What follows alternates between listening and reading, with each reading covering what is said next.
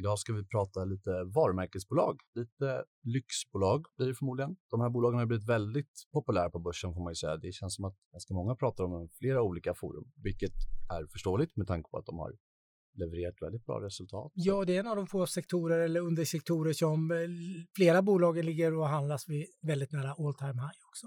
Mm. Vilket eh, inte alla bolag gör, eller långt ifrån alla bolag gör efter fjolåret. Men för att prata om det här så har vi bjudit hit två förvaltare från Lucy Global Fund, Therese Nyrén och Kim Hansson. Välkomna. Tack så mycket. Berätta lite kort om er bakgrund och hur kommer det sig att ni startade Lucy Global? Eh, ja, jag eh, grundade fonden 2021 i juli. Och jag är? Ja, ja Therese Nyrén heter jag och är ekonom och jobbat i finansbranschen i ganska eh, många år och kände väl att det eh, har varit väldigt mycket fokus på tech och industri och började titta på en portfölj som jag själv ville investera i. Så jag startade fonden juli 2021. Så det är Lucy Global Fund och vi investerar i livsstilsbolag.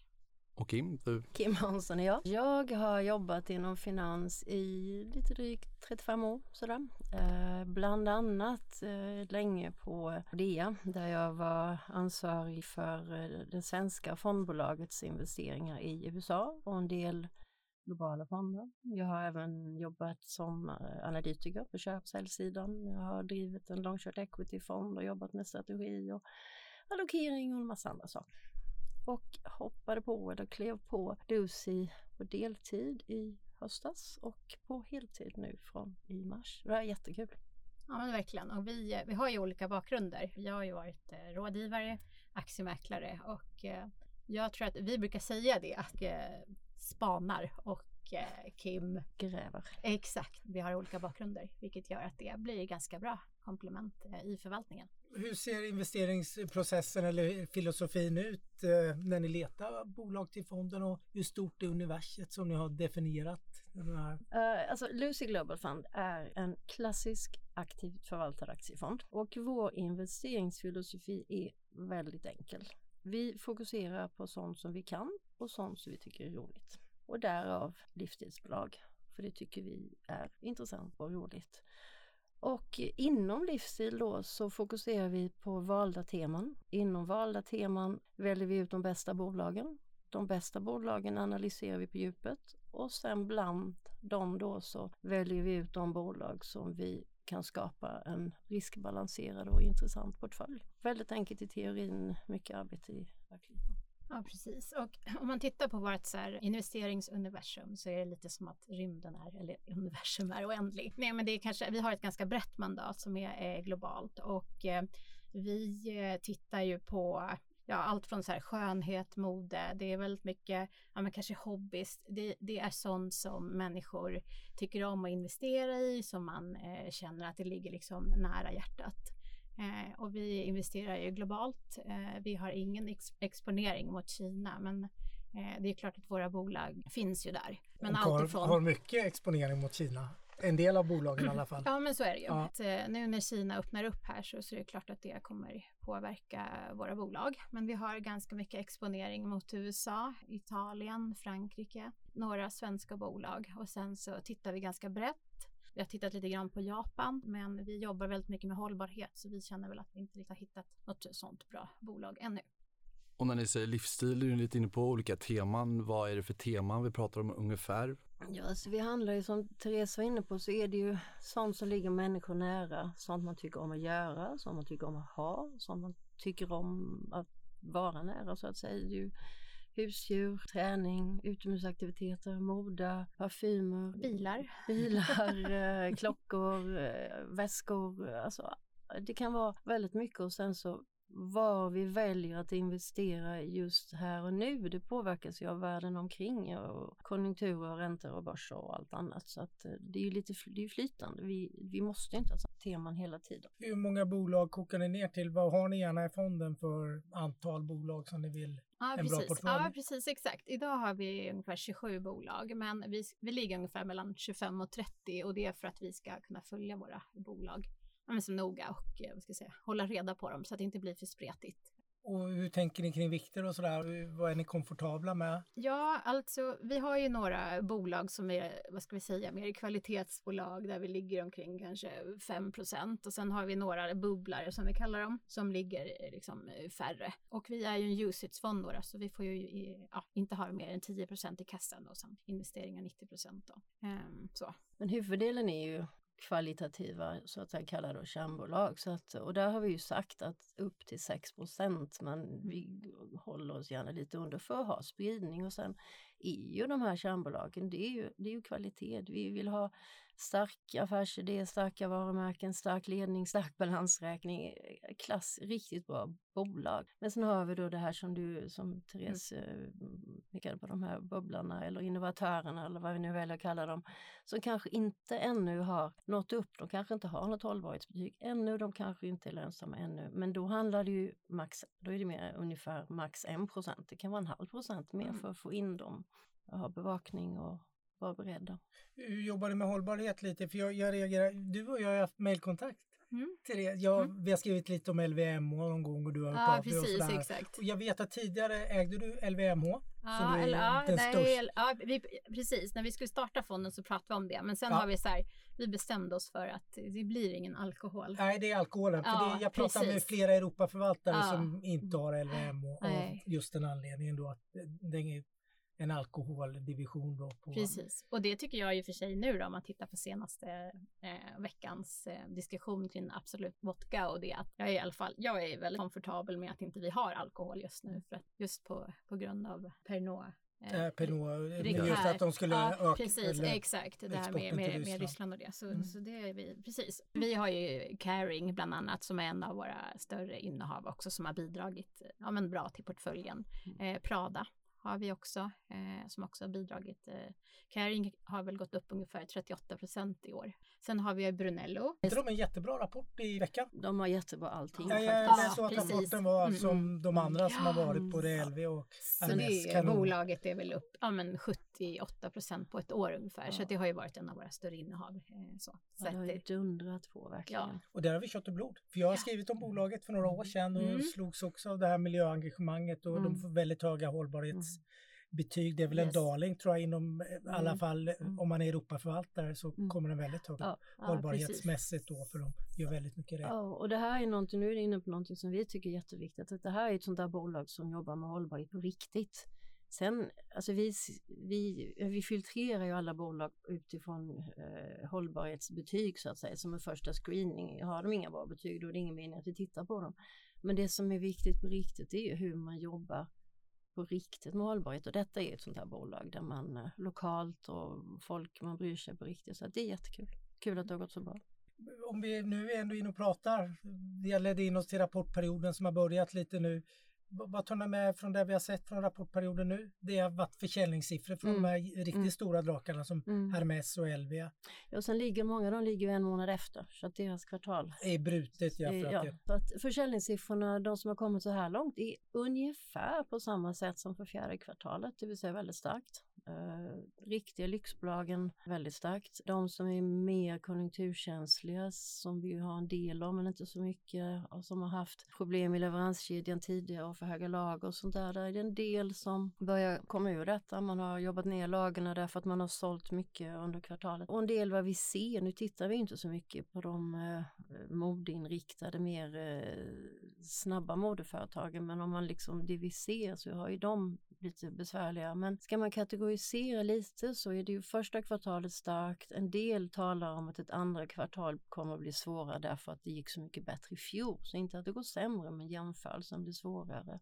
Kina jättestarkt överlag, för inte bara eh, online och de som reser utan även i köpcentran. Nu är det fler som, som går riktigt bra. USA i viss mån eh, saktar in, man känner av eh, så det, det, är lite blandat men överlag väldigt starkt. Mm. Om vi bara stannar lite vid Kina, för jag har ju också slagits av, det har ju varit mycket förväntningar. Det drev ju nästan sektorn i början på januari där när, när det blev ganska, de öppnade upp ganska mm. över förväntningarna snabbt.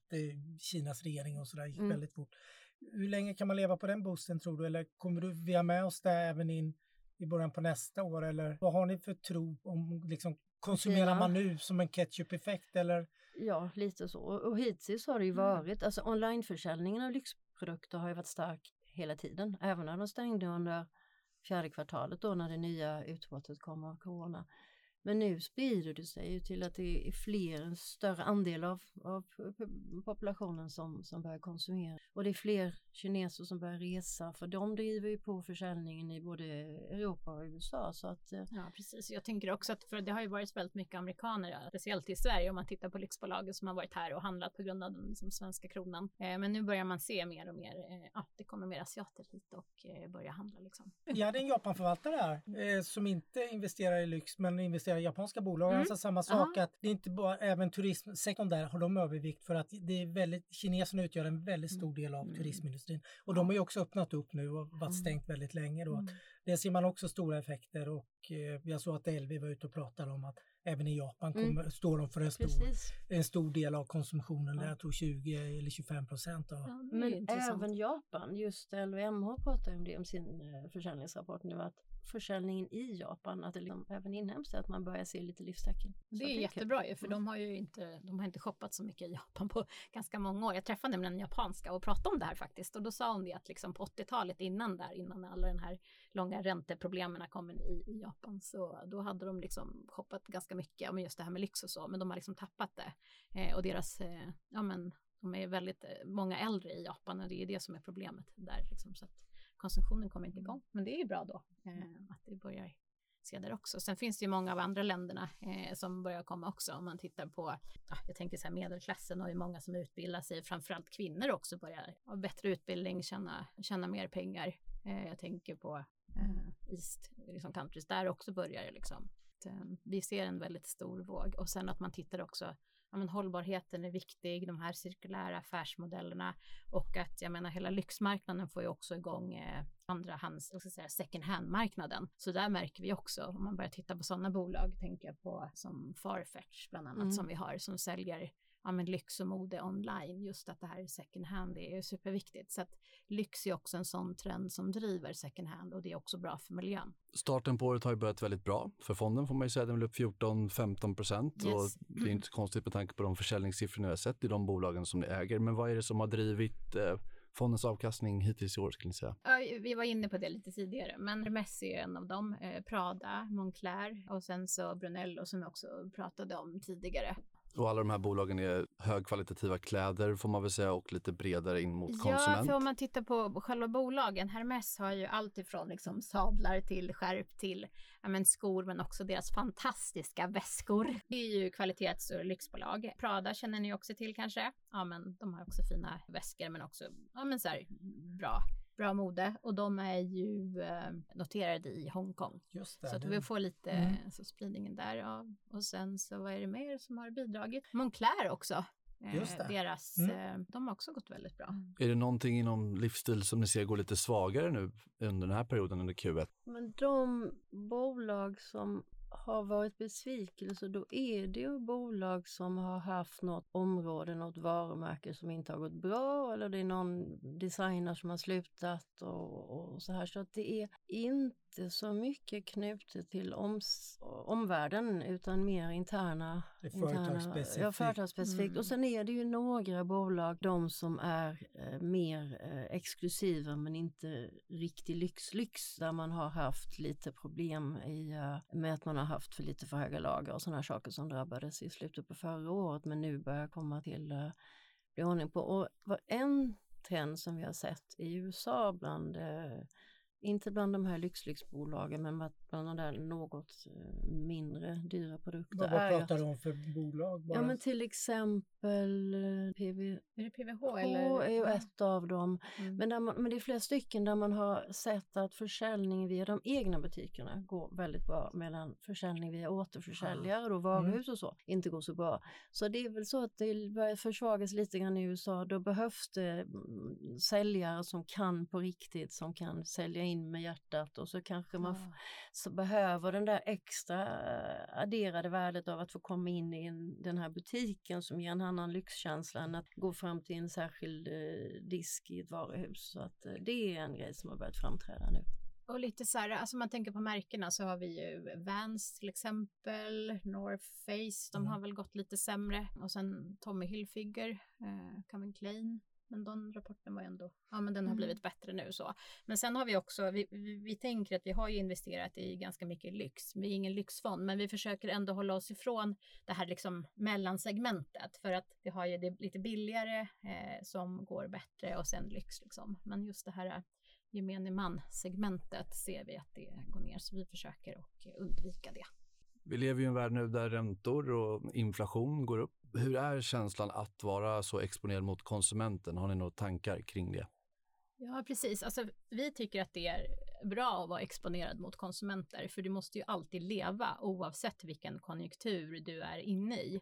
Och som vi vet nu så är det så med lyx, eh, att de tenderar ju att de som är rika, de blir ju kanske inte är fattigare om man får säga så. Så att där är det ju många av de bolagen höjer ju priserna och får liksom bättre marginaler. De har möjlighet, det är ju bara titta, nu är inte Chanel eh, eh börsnoterade, men de har ju höjt jättemycket. De flesta LVM har höjt och Hermes har också höjt. Så att det har vi ju där och sen så, ja men just det här ska jag säga, det billigaste segmentet är inte lika liksom, känsligt. Så jag tycker i alla fall, eller vi har diskuterat det där, att eh, konsumenter, både produkter och tjänster finns ju hela tiden liksom. Och vi har ett väldigt stort mandat så vi kan mm. ju också titta över gränserna och vi tittar väldigt mycket på trender och ser liksom vad är det som händer och när vi förvaltar tillsammans, jag är väl den som liksom spanar och, och, liksom och Kim gräver och så kommer vi liksom från olika håll fram till jag kanske kollar mer så på de mjuka värdena, där vad, vad skrivs det mer liksom ur marknadsföringsperspektiv, följare, du vet lite sådana här små detaljer som ibland kan vara liksom avgörande hur en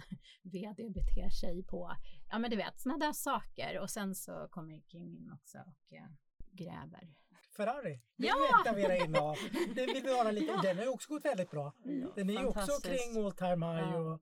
Och där kan du tala om ett starkt varumärke. Och det, är ju en, det är ju en community, det är ju en klubb och de tar ju verkligen hand om sina, sina kunder. Sen, sen dessutom, då, man kan ju tänka då, alltså det är ju en fossilbaserad produkt så de har ju ett problem att jobba med det här men samtidigt så är det ju få bolag som men de gör inte allt rätt, ingen gör allt rätt. Men de jobbar ju aktivt mot detta, det finns ju en plan. Och man har helt lämnat naturgasen och producerar el i fabrikerna med paneler på taket. Och, man jobbar ju supermycket med, med den lokala ko kommunen och tar hand om anställda och sådana här saker. Så att man, här får man ju väga för och ja, nackdelar. Och där kan du ju tala om återbruk. Ja, så de har ju också... Ja, du skrotar ingenting där. Orderböckerna är fulla så mm. det, det går ju toppen. Sen ja. satsar de väldigt mycket på kvinnliga rallyförare. Aktiekursen har gått väldigt bra tack vare bra försäljningssiffror. Hur ser värderingarna ut om man pratar lite övergripande, så här, om vi tar lyxbolagen och lite med de här andra livsstilsbolagen? Ja, det beror på hur man, hur man ser. Alltså, vissa bolag, alltså, ja ja, eh, Brunello var upp 80% eller 70 procent. Det är inte billig, Hermes är inte billig, båda är väl men, P50 nej, eller men, något sånt där. Men, mm. men det beror på vad du tittar på. Mm. Alltså, i, du, kursuppgång är ju en sak, men om resultat och omsättning och marginaler och lönsamhet går lika bra eller kanske ännu bättre i vissa fall, då är det ju inte dyrt om man lyfter blicken blicken lite grann. Och för vissa av de här bolagen så kan det med många ha ju, alltså har ju en orderstock som är väldigt säker för du säljer in kollektioner ett år och så framåt. Så att man måste ju, man måste ju se balansen så att många av de här som till första påseende ser dyra ut är det inte. Men en del är det. Och en del kanske man inte tänker på, de ser inte så dyra ut men där börjar det mattas av så då kanske P 25 är jättedyrt. Så att det här är ju, men det är klassiskt att man måste, att man måste utvärdera. Men sen, sen är det klart att vi har ju skalat ner i en del bolag där, av rent portföljrisk. Mm. Ja, vad gör ni som Brunello och Hermes? Det är vi har sålt en del i Brunello. Jag förstår ja. att ni är nettosäljare och inte nettoköpare. Då. Nej, nej, nej. Och vi har sålt lite Hermes, vi har sålt i Senja, vi har sålt vi drar ner och sen vi börjar ju redan i slutet på hösten eller under hösten. Och dels så sålde vi av en del bolag som vi insåg mm. att de var lite mer eh, känsliga för lager och leverantörskedjor och sådana saker mm. än vad vi hade insett. Så de sålde vi. Och istället fyllde vi på med till exempel ett eh, danskt bolag, eh, Mätas, som är en eh, mm. hälsoprylar, parfymer och sådana saker där de har liksom hela, hela spektrat från ett urval av de dyraste parfymerna mellan och sina basprylar. Då. Så, sånt köper man, all, alla köper hudkräm och tandkräm och någon parfym lågt värderade till exempel. Och vi gick in, vi köpte Microsoft och vi ökade på i Apple som inte hade haft så himla bra utveckling under förra året. Så att, så att vi, liksom, vi jobbar ju så hela tiden och mm. nu är vi inte nettoköpare i de flesta lyxbolagen. Sen är det några som är mindre av kärnbolagen därför att vi har dragit ner just nu av de skäl vi pratar om och så får vi se vad nästa steg blir. Vi kan ha vissa som är på väg in och sådär.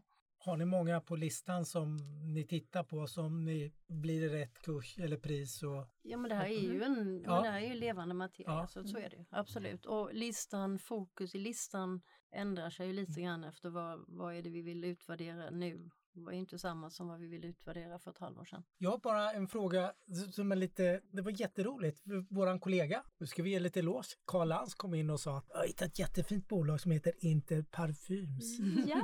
ja! Och sen så att jag kom Daniel med listan och så bara, ja men det är ett av era stora innehav. Mm.